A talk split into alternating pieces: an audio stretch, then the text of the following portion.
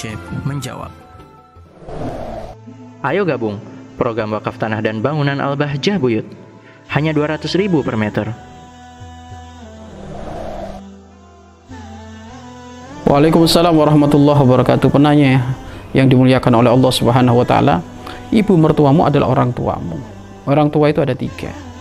Gurumu yang mengajar ilmu, orang tua yang sesungguhnya yang melahirkan, dan yang ketiga adalah orang tua yang memberikan anaknya kepadamu alias mertua. Kewajiban kita tentu ya tidak boleh membedakan beliau-beliau. Tidak boleh membedakan beliau-beliau kalau suruh memilih bagaimana? Muliakan semuanya. Tidak boleh kita berpilih kasih di dalam memuliakan beliau-beliau. Karena beliau-beliau adalah orang-orang hebat. Kemudian kalau orang mertua kita nyuruh-nyuruh kita, apakah kita harus patuh? Ya harus patuh dong. Selama kita mam mampu.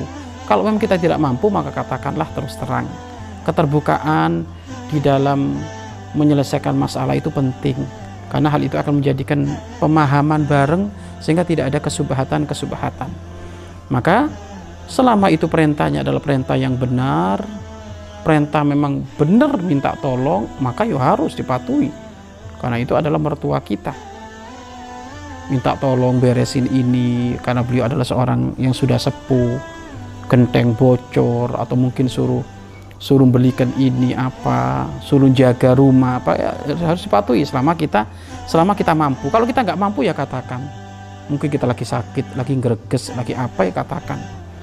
Atau tiba-tiba kita dimintain duit ya kasih kalau memang kita punya. Kalau nggak punya ya sampaikan dengan cara yang yang baik namun kita tidak boleh patuh kepada mertua kita kalau ternyata nyuruh maksiat.